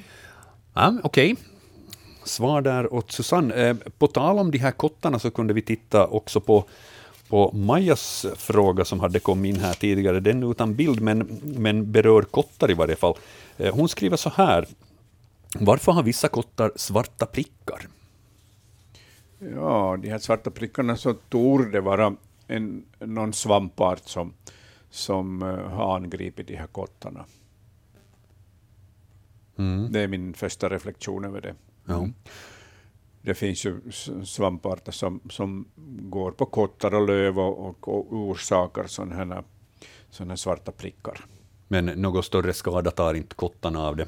Uh, det kan ju hända att, att uh, det inte blir desto mera frön in det, men att det spelar inte så stor roll mm. eftersom det har funnits så mycket kottar med så mycket frön i. Så att, så att eh, det är nu eh, ett sätt för naturen att ta tillvara en, en stor resurs som ibland förekommer, det vill säga rikligt med kottar. Ja, ja och rikligt med kottar, som sagt på Susannes bild. Oh, tydligt tecken på hur bra kottår det var i fjol. Ja, igår när jag kom, kom körande till till Vasa, så på många ställen så såg jag mindre korsnäbbar som, som var nere på marken och plockade, plockade granfrön. De häckade som bäst och matade sina ungar, så att de här, de här granfröna kommer väl till godo för, alla de som äter mycket granfrön, och där är Mindre korsnäbben en av specialisterna på, på grankottar. Mm. Det om eh, Susannes frågor. Vi ska titta till telefonlinjerna fram och tillbaka i Naturväktarna. Vi säger god förmiddag. Vem är det som ringer? Ja, det, jag väntar jättelänge. Det är Maj-Britt från Oxkanga. Hejsan. Jag, jag skulle vilja veta, det är ett ljud som jag hör. Jag bor, jag bor ju i skärgården och det är en bit ner till stranden. Men det här ljudet har jag hört i åtminstone tre veckors tid. Och det låter som när hästarna frustar sådär. Så det är inte hackspiken utan är det någon, det var någon här som jag frågade och sa det, men paddor har väl ökat och det har blivit mer av dem eller, men är det en fågel eller är det, och det, det är absolut ingen hackspett eller så, för det, och det är på samma ställe varenda förmiddag det börjar sjutiderna så håller det på till mot 11-12. Ja. Och då är det på samma ställe, som, från precis som det hörs, och det är nere vid, mot stranden. Ja. ja, jag kommer att tänka på en, en trummande större hackspett. Den har sån där trrr, trrr. Ja, så där låter det. Ja, det måste nog vara större hackspetten som trummar. Uh, det finns mycket större hackspettar ute i markerna idag och jag har hört på flera ställen uh, större hackspettar som trummar och, och uh, jag kan inte komma på något annat. Paddorna ligger ju ännu i vinterdvala, precis som grodorna, ja, så det är, ju, det, det är inte i farten ja. ännu. Nej, just det. Ja, då, då vet jag det. Det var någon som sa, jag sa, för hakspiken det hör man ju, han är här i stolparna och hackar på och det är bara någon stund och så flyttar de upp armen. Det här är precis på samma ställe varenda ja, dag. Ja, de har, de har vissa platser, eh, de hackspettarna som de trummar på, det kan vara en torr gren eller en, eller en torr topp av ett träd eller sen en fågelholk som de trummar på. Eller sen om, ja. sen om de har en stolpe så brukar de eh, trumma på den här plåten som skyddar stolpens eh, övre kapning. Så att, det... Eller så kan de väl förstöra någons husvägg om det, om det är så att det är någon sån där. Ja, nog om de bestämmer sig för att hugga, i, hugga sig in i, genom, genom ja. den här äh, brädslåningen, men, men när de trummar så, så blir det just inte något märken alls inte. Ja, ja no, då vet jag. ja, jag bara funderar på det där vad det är för fågel eller fisk eller padda eller vad det kan vara. Så det är så regelbundet. Varenda gång när jag öppnar ja. fönstret mm. på morgonen så är det på samma ställe, samma ljud och samma tid. Så måste jag ha klockan inställd. Ja. ja. ja. Bra. Tack för den frågan. Det är bra sådär. Hörni, ni skulle kunna, det där programmet, det är mycket bildbloggare som skickar oss halv... Det är många som vill fråga men vi slipper inte fram. Vi skulle kunna dela upp det där programmet på på, på två saker, bilbloggare och där telefonisterna. Vi, vi ska ansöka om förlängd sändningstid så får vi plats med allt. Jag gör det. Utmärkt. Ja, tack ska du ha. Ja, ja. Tack, hej. Tack, tack. Hej då. Hej. Jag tänkte just det här, det här trummandet som du var inne på ja. med större hackspetten. Det har jag också hört här då jag varit ute och promenerat med hunden. Och, och det, det, upplever jag ju också som ett tydligt så här vårtecken. För mm. det där trummandet, det är ju inte just det där hackandet, att den försöker ta sig in någonstans. Nej, utan det är för att åstadkomma ett ljud, en vir, virvel. Mm. Mm. Och det är helt, helt enkelt för att locka till sig. Ja, både uh, hane och hona kan trumma för mm. att hitta varandra. Och, och, det här är då, skulle jag tippa, en, en större hackspett-hanne som har mutat in det här reviret han har någon bra bohåla eller ett bra träd att hugga, i, hugga en ny bohåla i. Så att eh, därför håller han sig envist på den här ett och samma ställe. Ja. Och just som du var inne på, att de kan hacka på plåt och mm. liknande också, eh, så det kan ju göra att det här ljudet kan uppfattas som någonting annat än vad man då fast, först skulle tro att ja, men det är väl mm. en hackspett. Ja. Utan om det, om det är mot en plåtskiva eller någonting sånt så, så ändrar ju ljudet väldigt mycket karaktär. Mm. Ja. Ja, ja, intressant. Eh, fåglars beteende är, är rätt mystiskt och vi kommer smidigt därifrån in på andra fåglars beteende som också är rätt mystiskt. Först ska vi titta på en eh, bild som finns på bildbloggen som vi tittar på med jämna mellanrum, oavsett om folk har möjlighet att göra det eller inte. Eh, nämligen Louise har skickat in en morgonbild från Ålands skärgård och hon har då fotograferat tre stycken havsörnar som väntar på frukost. Och visst, det är en fin bild där de sitter på iskanten och, ja. och, och rätt tätt samlade, så de, de verkar trivas tillsammans. Men eh, i samband med det så tänkte jag att vi ska läsa upp eh, en e-post som Kati har skickat in, eh, där beteendet hos havsörnarna kanske inte är lika fredligt som de här tre verkar ha det. Hon skriver, i lördags följde jag under en halvtimme med hur ett gäng havsörnar tog livet av och åt upp en av sina egna i Åbo. Vet inte hur dramat började. Jag reagerar på att örnarna flaxade till, att något var på gång.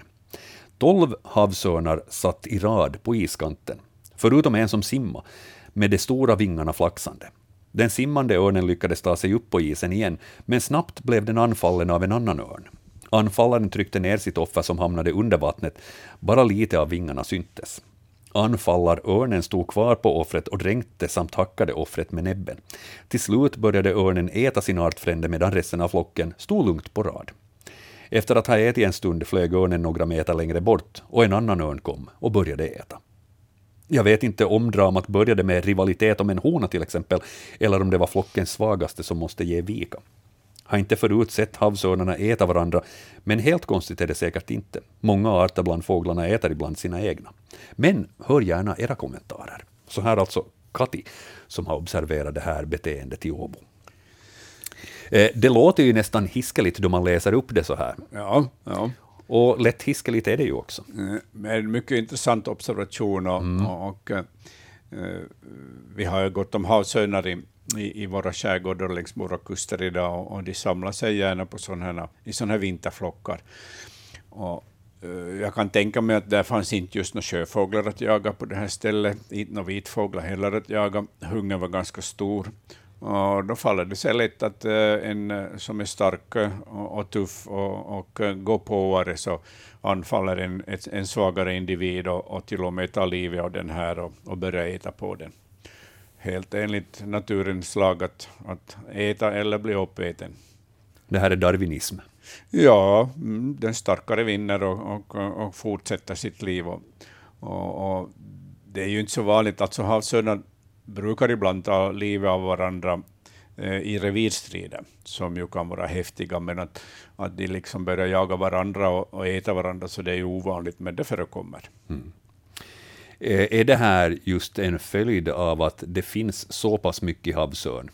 Helt enkelt att... Jo, ja, det, det är förstås en följd av att det finns mycket havsörnar, så då, kan det, då är förutsättningarna för att sånt här ska hända så är mycket större än om, om det finns bara två havsörnar på platsen. Mm.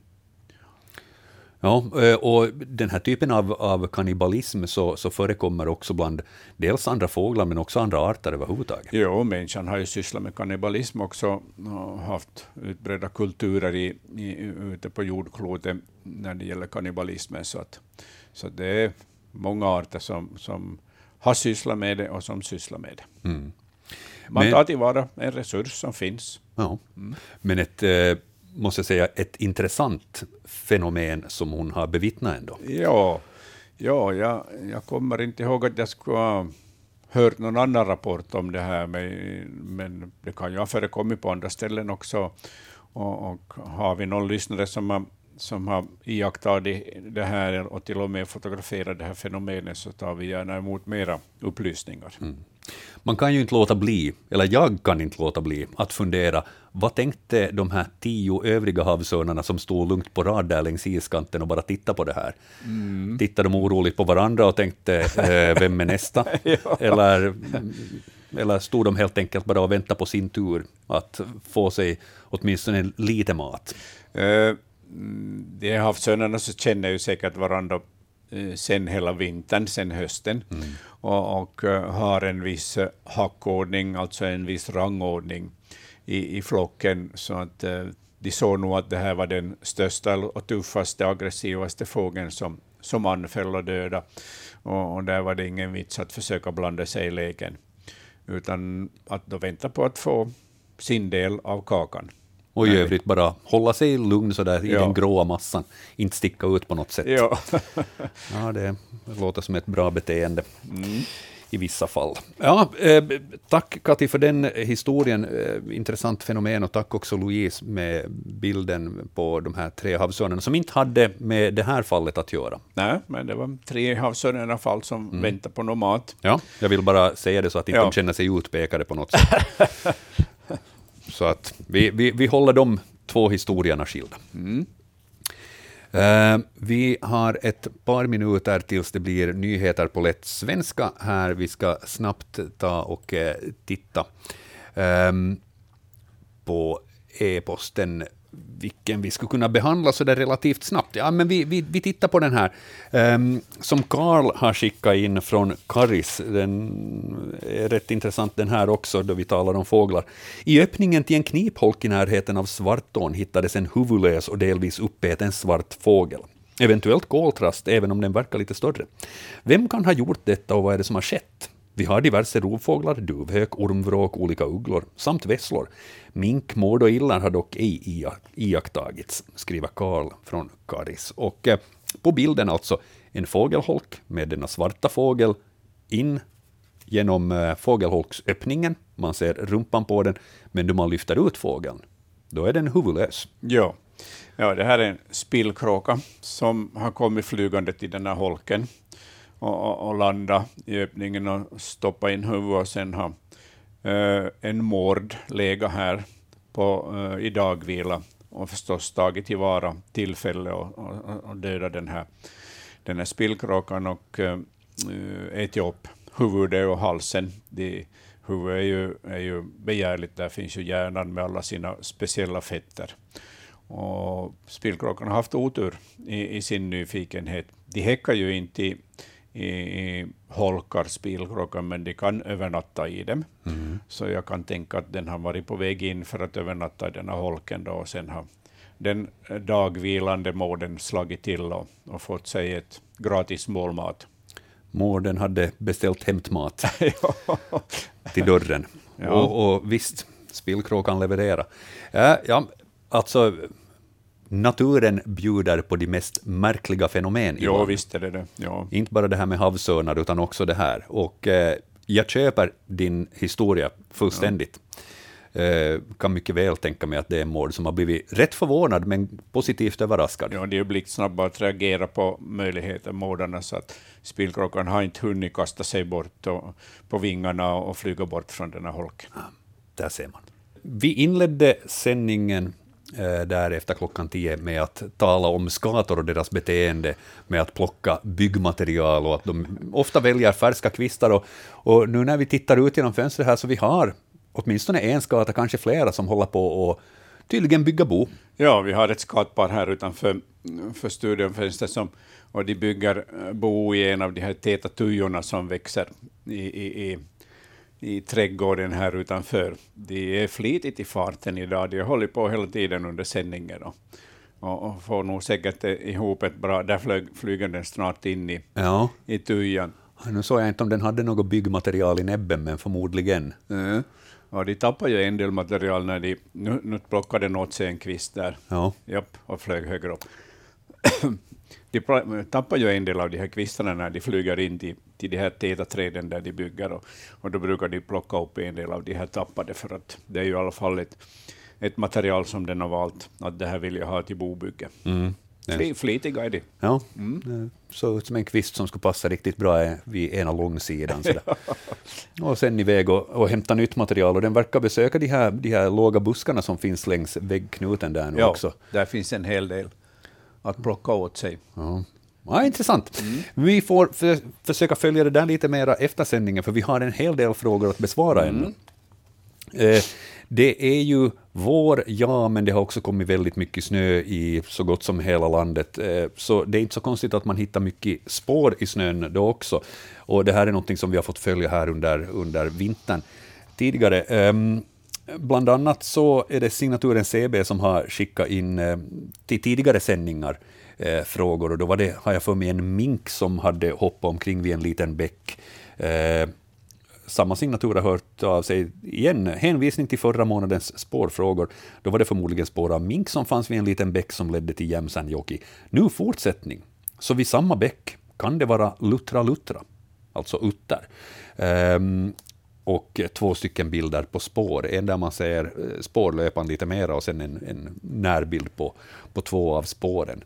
Um, är det någonting som skvallrar och utter i de här två bilderna, Hans? Nej.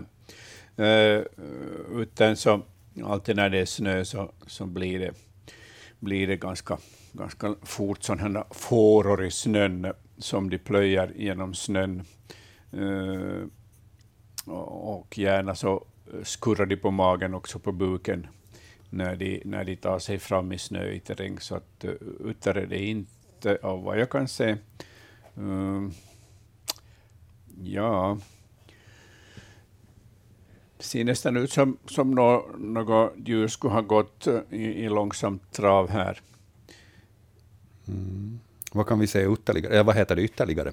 Mm, nu finns det tyvärr ingenting att jämföra, nästan ingenting att jämföra med, men om det är skare här, alltså mm. bärande skare, vilket det kan vara med ett tunt snötäcke på, så, så eh, kan det hända att det är ett rådjur som har gått här. Jag tycker det ett av de här avtrycken se, kan se ut som ett klövavtryck. Eventuellt. Och man kan ju tänka sig att, att det finns några sådana här små streck ja, vid vissa av de här spåren. Klö, klöven har, uh, har släpat i, ja. nudda i, i, i snötäcket.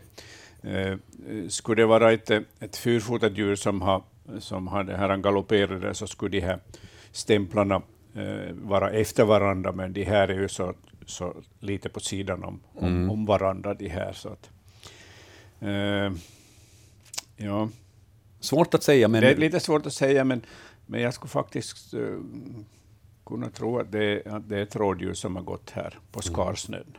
Då sätter vi det som ett frågetecken där i varje fall. Mm. Um, följande spårfråga som vi har i bildbloggen uh, är inskickad av Annika. Hon skriver Hej, vi funderar på djurspår som vi såg vid vår brygga på sommarstugan i Västanfjärd den 13 i tredje får inte dem att passa in på något. Vår närmaste gissning är lokatten eftersom spåret ser ut som ett kattdjur. Klorna syns inte. Skicka bilder, hoppas det kommer fram. Eh, och eh, jag hoppas att det kommer fram vem som hälsar på. Eh, vår hälsningar Annika. Och eh, tre bilder har jag satt här i bildbloggen.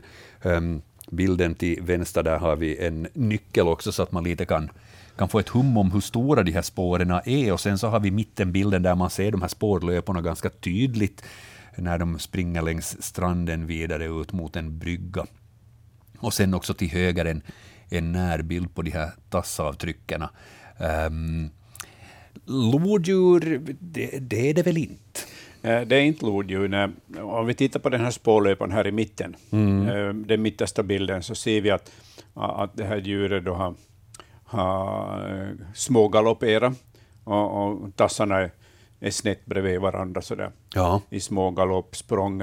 Uh, lodjuren när det går så, så sätter den en tass och en tass och en tass, så det blir ett sånt ganska långt mellan, mellan varje steg, så det blir mer ett sånt pärlband av, av en tass i gången. Mm. Så det här är, är inte lodjuret som har besökt bryggan, utan eh, det är en utter som har varit här. Och jag tycker att det är en liten vak där under bryggan eller vid sidan av bryggan där den säkert har, har varit nere för att fiska. Ja. Det ser ut som blått där, det kan också vara påfruset. Mm. Eh, när man ser på den här högra bilden, där man ser då, uh, tassavtrycket ganska bra, så, så kan man räkna till en, två, tre, fyra, fem tår. Ja. Och, och lodjuret har har man ser fyra tår i lodjurets tasse. Eh, dessutom så har lodjuret rundare spårstämpel än de här. De är, de är breda fram till och så smalnar de av lite bakåt och det är typiskt för uttern. Så det är en utter som har varit i farten här. Och här kan vi jämföra de här avtrycken med det som vi såg i föregående mm. bild, som vi då konstaterar att inte är utter. De skiljer sig ja, nog ja. markant på det mm. viset från varandra. Ja, Nej, inget lodjur utan en utter som har tassat fram där och förmodligen ja, till vakkanten där det ser ut att vara öppet vatten. Ja. Då noterar vi det där på Annikas mm. fråga. Utan, den blir ju allt allmännare eh, idag och eh, allt fler får se utter eller upptäcker uh, utterspår på, på isen eller, eller i någon skogsbacke. Och när de är nya, de här spåren, alltså okända för, för många, så då börjar man fundera, vad kan det här vara för, mm. för, för djur som har sprungit här? Mm. Eh, följande är inte spår som man har hittat på isen, men nog små djur, små krabater. Um, Viveka har skrivit så här. Jag var ute på hundpromenad i Åbo, Luola vår i 14 tredje. På en frusen snöig gräsplan kröp dessa larver omkring, massor av dem. Vad är de och varifrån kommer de och vart är de på väg? Kan de överleva våren? Och den här spindeln var också ute på promenad. Har den en möjlighet att överleva våren? tre bilder. Eh, en bild med en bilnyckel bredvid, en ganska svart larv där. Sen mittenbilden här på bildbloggen så är det en ljusbrunare larv mitt i snön. Och sen här till höger så då har vi en, en liten brun spindelart, har jag ingen aning om, men eh, jag tittar på dig Hans. Ja. Svårt var det med sådana här små krabater? Ja, spindeln så den klarar sig förstås. Mm. Det finns ju spindlar som är aktiva, mm. aktiva under vintern och, och, och, eh, till och med jagar under vintern när det är mm. plusgrader. Och, och jag har faktiskt sett spindelnät i, i, i markerna när vi hade de här dagarna med plusgrader förrän, ja. förrän det blev back i seglen. Ja. Och, och, eh, Anders var och tittade närmare på, på de här bilderna också. Vi fick lite flankstöd där. Ja. Eh, han tittade på de här larverna och konstaterade ja, flugbagge och en harkrank. Båda vanliga på snön på vårvintern när marken under snön blir obehagligt blöt. Ja. Är det här, men vilken av de här är harkrank och vilken är, är flugbagge? Eh, är det den... Flugbaggen är, är den här uh, mörka som ligger bredvid den här uh, bilnyckeln. Precis. Och, och harkranken är, är den här ljusare. Exakt. Så de är enligt Anders både vanliga på snön på mm. vårvintern och marken under snön. Eh, och, eller de kommer upp ifall, ifall marken under blir obehagligt blöt. Eh, jag kan inte säga att jag skulle ha sett larver i snön på det här viset, men inget ibland, ovanligt. Ibland händer det att de, ett, att de tvingas upp av, av smältvatten från, från marken där deras gångar blir helt vattenfyllda. Mm. Och, och då, då kommer de tillfälligt upp på snön och, och, och, det är ju klart att de klarar sig. Sen kryper de ner igen och, och när det, den här värsta översvämningen är förbi. Ja. De måste ju vara ett ganska lätt byte ja. när de är på det här viset. Ja, fåglarna plockar nog gärna i sig av de här. Ja. Ja, tack de kommer ju till nytta på det sättet. det är sant.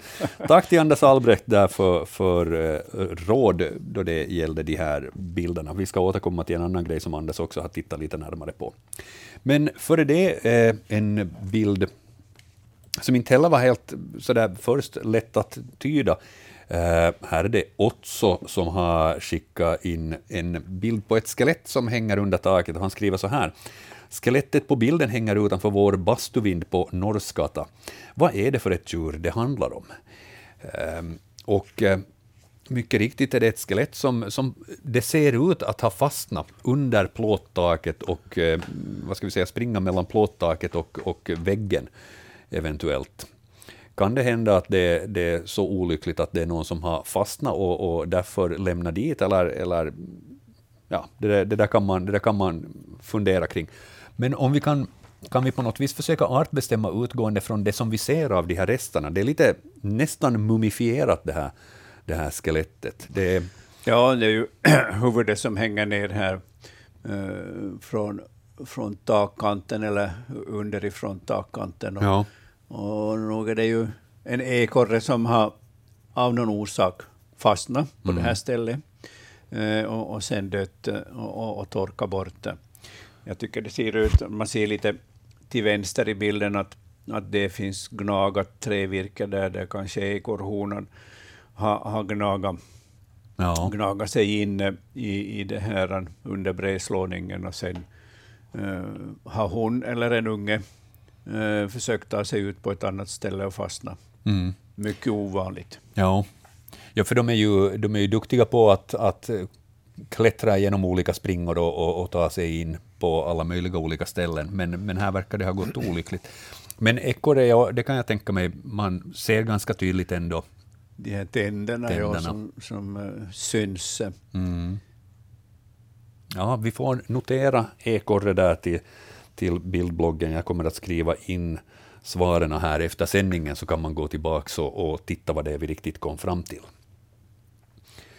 Många frågor hade vi fått in till bildbloggen. Vi har fem stycken där ännu som vi borde hinna med på 12 minuter. Det ska gå. Eh, och sen så hinner vi eventuellt titta till också de e-postarna som har kommit här eh, under sändningen också, vilket är en del, men det kan hända att, att de lämnar tyvärr obesvarade. Vi ska snabbt titta på den här som Martin har skickat in. Bifogat finns några bilder tagna i september 2021 i Ahvenistonjärvi i Tavastehus. Vad tror ni den gröna massan är som växer på andra växter? Och vad är den mindre stickiga beigea växten som i sin tur växer på det gröna? Eh, dessutom undrar jag om trädet på sista bilden har träffats av en blixt. Bilden är tagen i östra Helsingfors. Vi ska se om eh, den bilden har jag faktiskt inte eh, fått med i bildbloggen, men vi kan berätta om den sen. Ehm, men om vi tittar på de här eh, fyra bilderna som finns här i bildbloggen, så det är inte i sig växterna utan det var också det här, de här gröna klumparna. Vi ska ta och titta här. Anders har också tittat på de här bilderna. Ehm, vattenväxter är mera hans områden. Han skriver så här, växterna i vattnet är inte växter utan kolonier av blågröna alger. Högst sannolikt av släktet nostock. Det har ibland kallats sjöplommon.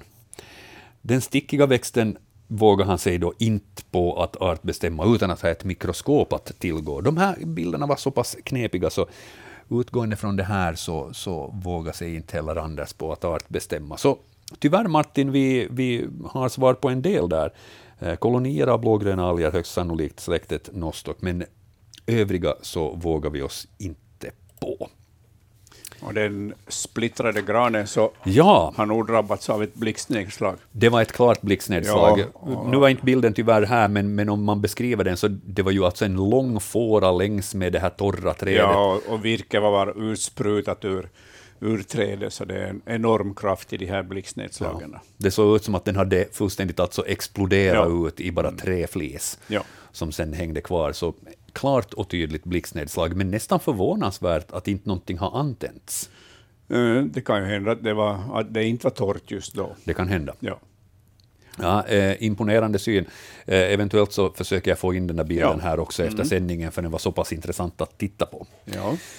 Um, Sen så har vi mera spår i snön som vi hinner titta på här. Eh, det är skogsmullen Tusse som har skickat in. Dessa konstiga spår hittar jag på en äng i Västnyland på gränsen mellan Snappatuna och Karis. Denna någon hade tassat längs ett dike, ibland flera gånger av och an. På ett ställe tog spåren plötsligt slut, som om den konstiga varelsen hade gått upp i rök eller flugit sin kos. Jag släppte min handske in till spåret så ni kan se storleken.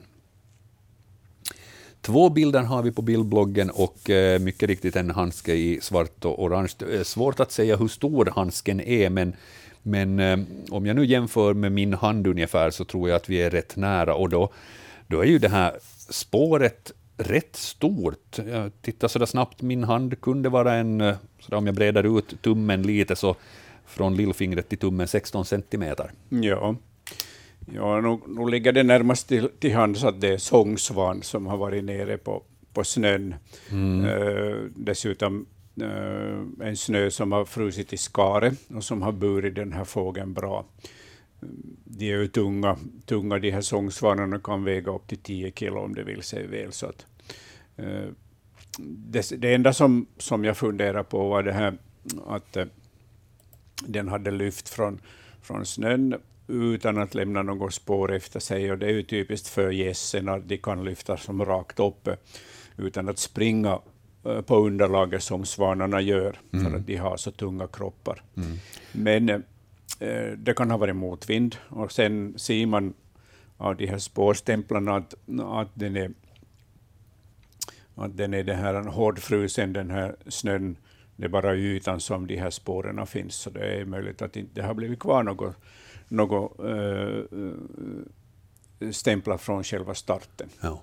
Och den här storleken alltså på de här mm, avtrycken? Storleken så... talar ju nog mest för sångsvanen. Ja. ja.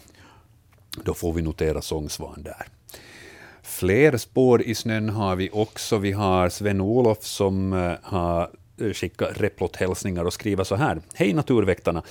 Det föll 7 centimeter snö senaste natt, mm, fjärde i fjärde, här i Replot. Tydligen lokalt för fem kilometer västerut hade ingen snö kommit. Utanför vår trappa fanns spår i den fluffiga nysnön.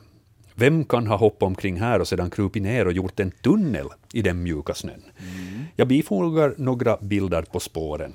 Och Sven-Olof har, har, riktigt tagit till sig av det som vi ibland har rekommenderat, att ha gärna eh, en, ett måttband eller någonting sånt. Han har en tumstock här bredvid spåren och dessutom så har han närbild och han har bild på spårlöpan och sen ytterligare en närbild och som sagt med tumstocken bredvid. Så här har vi liksom alla förutsättningar för att kunna titta på de här spåren och kunna eventuellt artbestämma. Eh, men vad säger, vad säger dina ögon, Hans? Eh, Ja, här har vi att göra med ett, ett litet morddjur som mm. har uh, sprungit i snön uh, och till och med gjort en tunnel i, i snön på den här tredje bilden. Mm, det finns två alternativ, hermelin eller vessla. Och vesslan är ju den mindre med tanke på, på den lilla storleken på, på de här spårstämplarna och den här långa tunneln så skulle jag hålla nog på att det är Vessla äh, som har sprungit här. Jag tycker det ser ut som att den har haft bråttom. Man, man tittar på det här så ser det ut som att alla fyra ben har tagit kraftiga grepp för att skutta framåt. Ja, mm, hermelinen och framförallt Vesslan den mindre kusinen, så den har alltid bråttom, går alltid på högvarvet. Den är specialist på att, eh, att jaga sorkar och möss, båda två. Eh, Vesslan är i ännu högre grad än hermelinen. Eh, och Vesslan är så liten så den kan jaga sorkarna och mössorna i deras gångar i snötäcke och i marken. Så att, nu ska jag säga att det är en vessla som har varit i farten här. Mm. Och en fin liten tunnel som den har fått ja. där på slutet också. Kan man tänka sig att det, det här är ju också ett, ett sätt att skydda sig själv? Jag menar att, att ha bråttom och sen också krypa ner under snön, så då är man inte ett lika lätt byte för Visst, visst, visst blir den ju skyddad av snön på det här sättet. Men sitter en uggla och, och äh, lyssnar i, i skogsbrynet här, så, så då hör den ju den här prasslet under snön och, och kniper sig nog den här vesslan också. Det händer att ugglor tar både vesslor och hermeliner mm. Eh, när, när de här små mårddjuren är ute på jakt på nätterna. Ja. Eller på dagen. Förmodligen vessla får vi ja. notera där för, för Sven-Olof. Fina bilder, tack för dem. Um, sen uh, har vi Sture i Sjunde som har skickat in det här. Vad är detta för troligen högst vanlig fågel? Men ny i varje fall på vårt fågelbräde. Den uppehöll sig på snön under brädet några dagar. Fjäderskroden spräcklig i synnerhet då den var burrig. Färgerna framträda bättre på fotot då skruden var slät. Från första början till sitt beteende lite avvikande. Den flög upp i sista stund när man närmade sig och till sist så satt den orörlig i snön. Den föll sedan på rygg och rörde långsamt på benen. Jag rättade upp den, men den klarade dock inte av att röra på sig, och så dog den. Vid fågelbrädet annars en mångfald av olika sorters småfåglar, men det här var den enda av sitt slag. Längd cirka 13 till 14 centimeter. Den här påminner ju lite om en fågel vi har, vi har tittat på tidigare i bildbloggen. Ja, ja. det här är nog en, en bergfink.